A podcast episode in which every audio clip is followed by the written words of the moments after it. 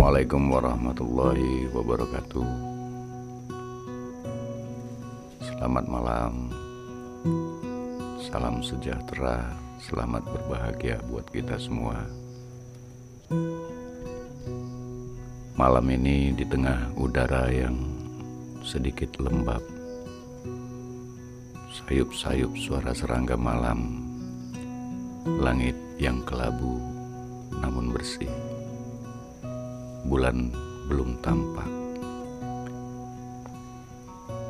Pohon-pohon diam seperti menyimpan rahasia. Perkenankan aku mendatangimu kembali. Untukmu yang saat ini sedang dihantam kesedihan karena apa yang kau perjuangkan belum lagi menunjukkan hasil yang kau harapkan. Untukmu yang saat ini sedang dihadang galau, karena belum lagi bisa memastikan apa yang harus kau pilih sebagai jalan yang akan kau tempuh dalam hidupmu.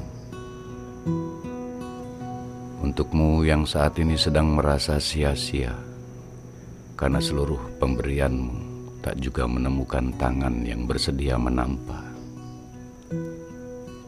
Untukmu yang saat ini barangkali sedang terisak di dalam kamar atau di dalam batinmu sendiri. Karena setelah berkali-kali kau mengharap tapi kau belum mendapat.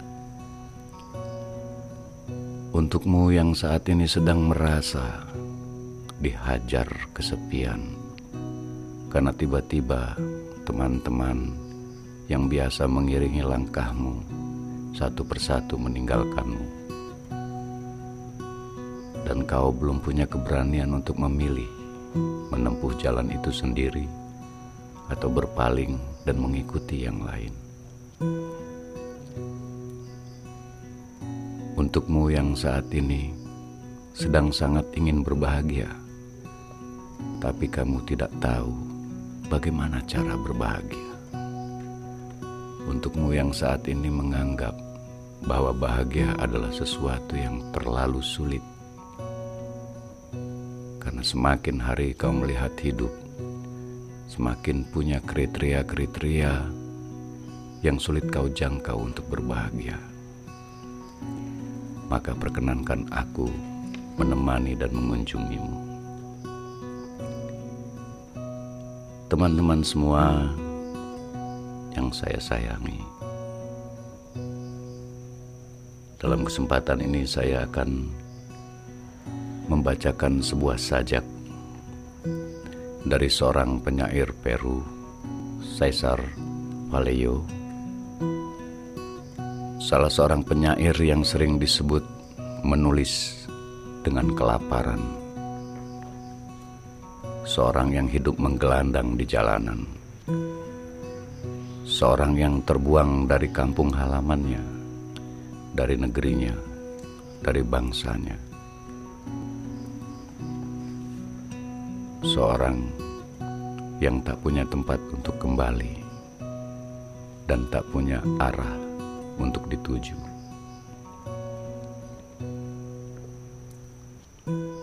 Bicara harapan. Aku tidak menderita sakit seperti Caesar Valleji. Aku tidak menderita sakit sebagai seniman, sebagai manusia, atau bahkan hanya sebagai makhluk hidup. Aku tidak menderita sakit ini sebagai seorang Katolik, sebagai seorang Muslim, atau sebagai ateis. Hari ini, aku hanya menderita. Jika namaku bukan Cesar Vallejo, aku masih akan merasakan sakit yang sama. Jika aku bukan seniman, aku masih akan merasakannya. Jika aku bukan Katolik, ateis, atau seorang Muslim, aku masih akan menderita hari ini. Aku menderita jauh lebih dalam. Hari ini aku hanya menderita.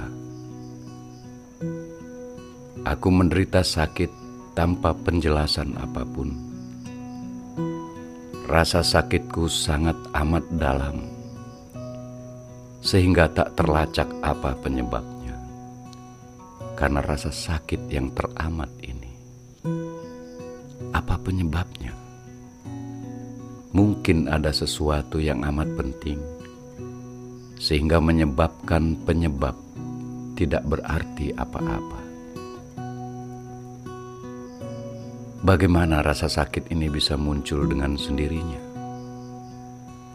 Rasa sakitku berasal dari angin utara dan angin selatan.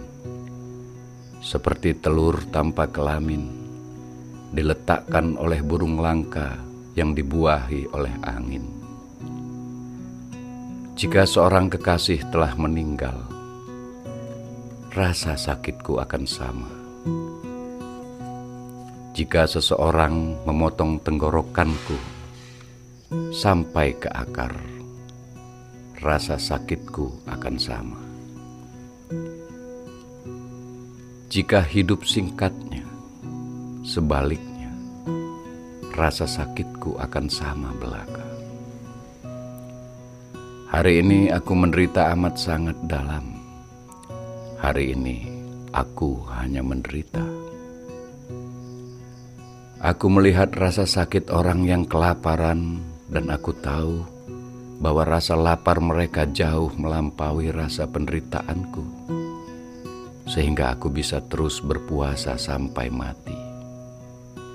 Dan setidaknya satu mata rumput akan muncul dari kuburanku. Sama halnya dengan seorang kekasih, berapa banyak yang diaduk adalah darah mereka dibandingkan denganku, yang tidak memiliki sumber dan tak berguna.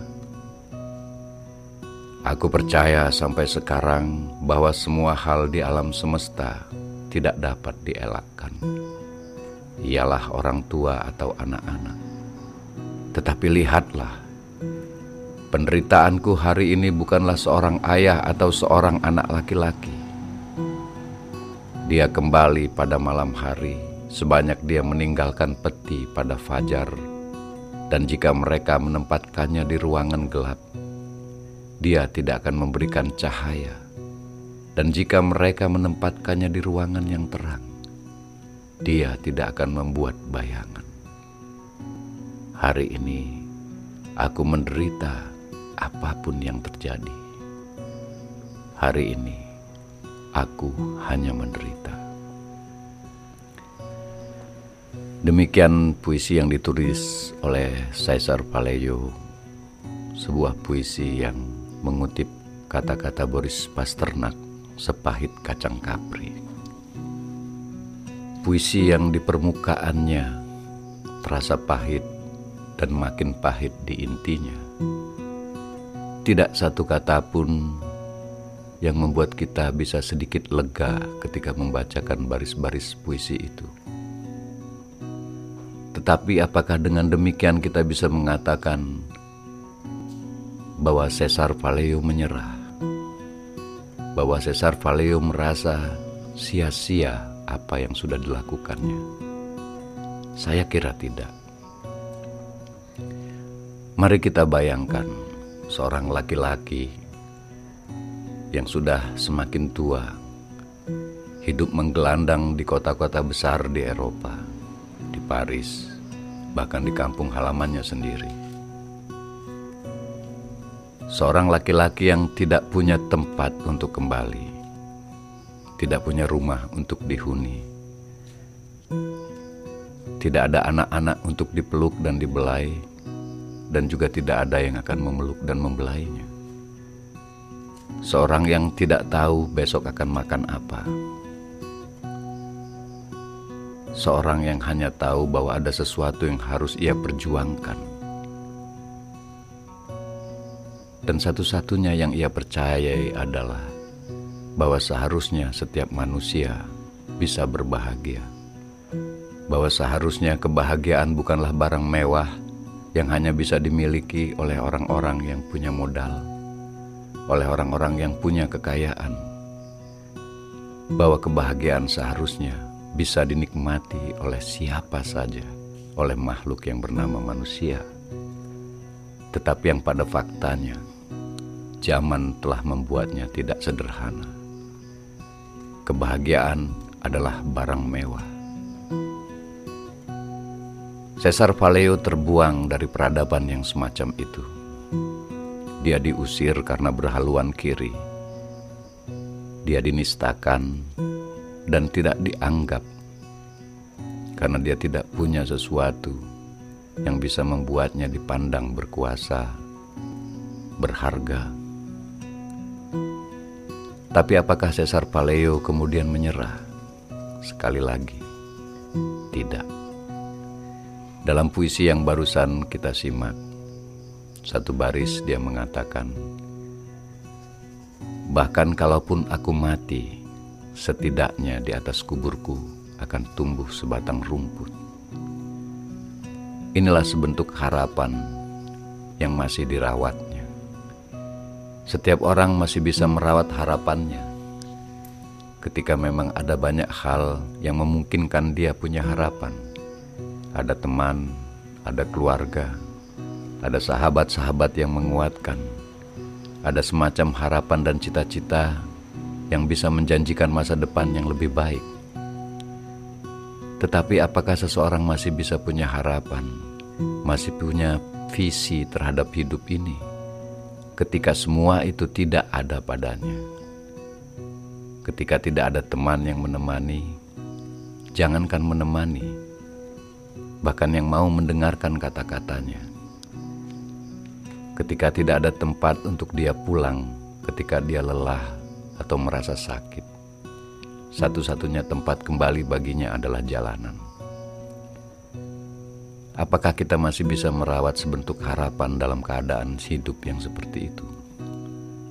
Cesar Valeo telah membuktikannya bahwa dia tidak pernah kehilangan visinya terhadap hidupnya, apa pun penderitaan yang dia alami. Hari ini kita begitu gampang menyalahkan siapa pun ketika kita menderita. Seorang kekasih menyalahkan kekasihnya ketika dia berduka. Seorang pencinta menyalahkan yang dicintai ketika apa yang diharapkannya tidak diperoleh. Seorang teman menyalahkan sahabatnya ketika apa yang diharapkannya tidak didapatkan. Kita bisa menyalahkan siapa saja. Kita bisa menyalahkan sejarah, masa lalu, menyalahkan masyarakat kita, menyalahkan keluarga, menyalahkan kelahiran, bahkan menyalahkan Tuhan atas penderitaan yang kita hadapi. Tetapi Cesar Valeo memberitahu kita tidak ada yang perlu disalahkan. Bahwa apakah aku seorang Katolik, Muslim, atau seorang ateis, aku akan tetap menderita sebagaimana manusia harus menderita. Cesar Paleo begitu memahami bahwa penderitaan seakan-akan menjadi karakter hidup itu sendiri. Tidak peduli apa pun bangsamu, rasmu, ideologimu, keyakinanmu, penderitaan akan mendatangimu. Caesar Paleo menerima fakta itu dan dia tidak menyerah. Dia tetap mengatakan, setidaknya kalaupun aku mati, ada sebatang rumput tumbuh di atas kuburku. Ia adalah seorang yang telah hidup dengan sepenuh-penuhnya. Dan karena itu, dia tidak takut menghadapi kematiannya. Bahkan di puisinya yang lain, yang berjudul Batu Hitam di atas Batu Putih, ia telah meramalkan bagaimana kematiannya yang mengenaskan itu. Di sebuah musim gugur pada hari Kamis di Paris, dan yang menjadi saksi kematiannya hanyalah belikat yang linu, hujan, dan jalanan. Tidak seorang pun yang menghiraukannya.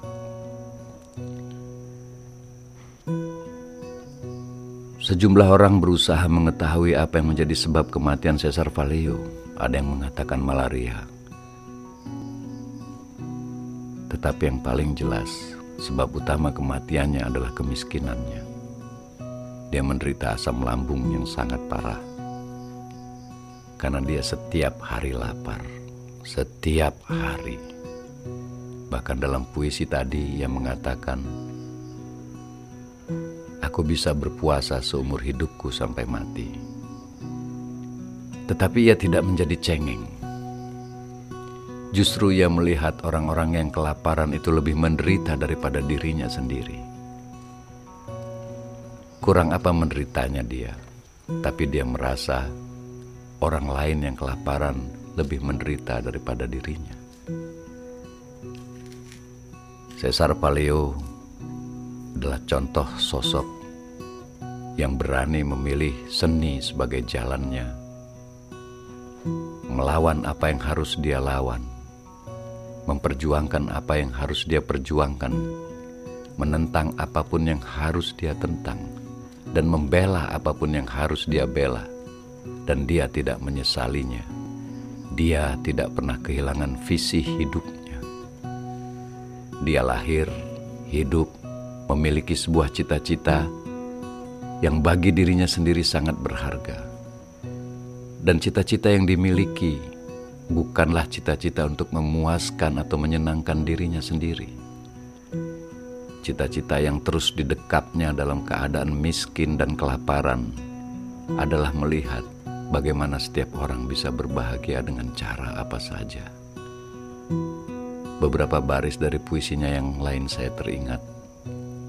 Berbahagialah dia yang berjalan menempuh bermil-mil dengan sepatu yang koyak. Berbahagialah seorang perempuan yang jarinya tercepit di pintu kereta. Begitu bersahajakah untuk berbahagia?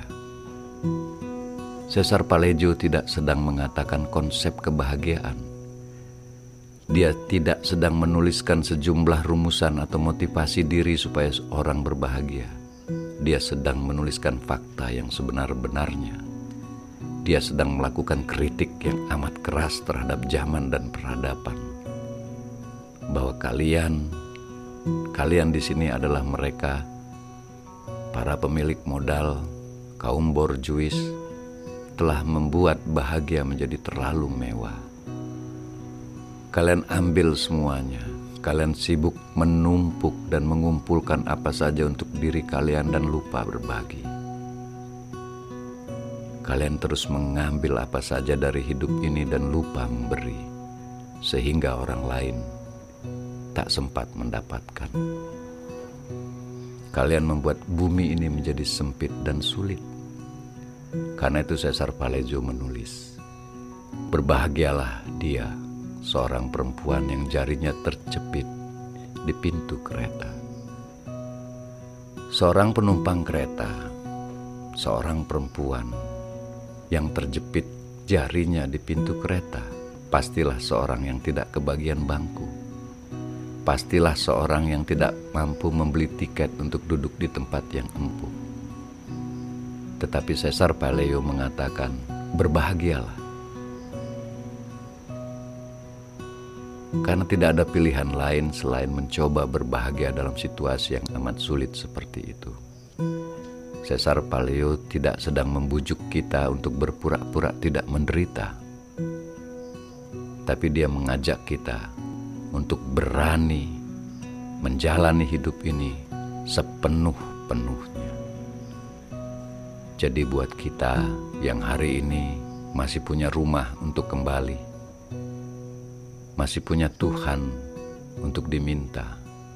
Ada semacam keyakinan yang kita bela mati-matian dalam diri kita. Ada sahabat yang menemani.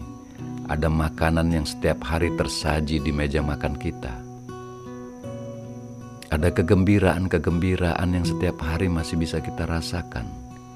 Apa yang membuatmu kehilangan harapan? Apa yang bisa membuatmu begitu saja mudah menyerah terhadap hidupmu, merasa sia-sia, menjadi cengeng dan lembek, lalu mengutuki dan menyalahkan apa saja, lalu menyingkir dari gelegak hidup ke pinggir dan menjadi penonton belaka. Sementara sekian banyak hal yang harusnya kau syukuri, yang harusnya membuatmu berbahagia, telah kau abaikan. Puisi ini juga seperti menampar keras diri saya sendiri. Terlalu banyak hal yang harus saya rayakan, yang harus saya syukuri. Malam ini, saya menitikan air mata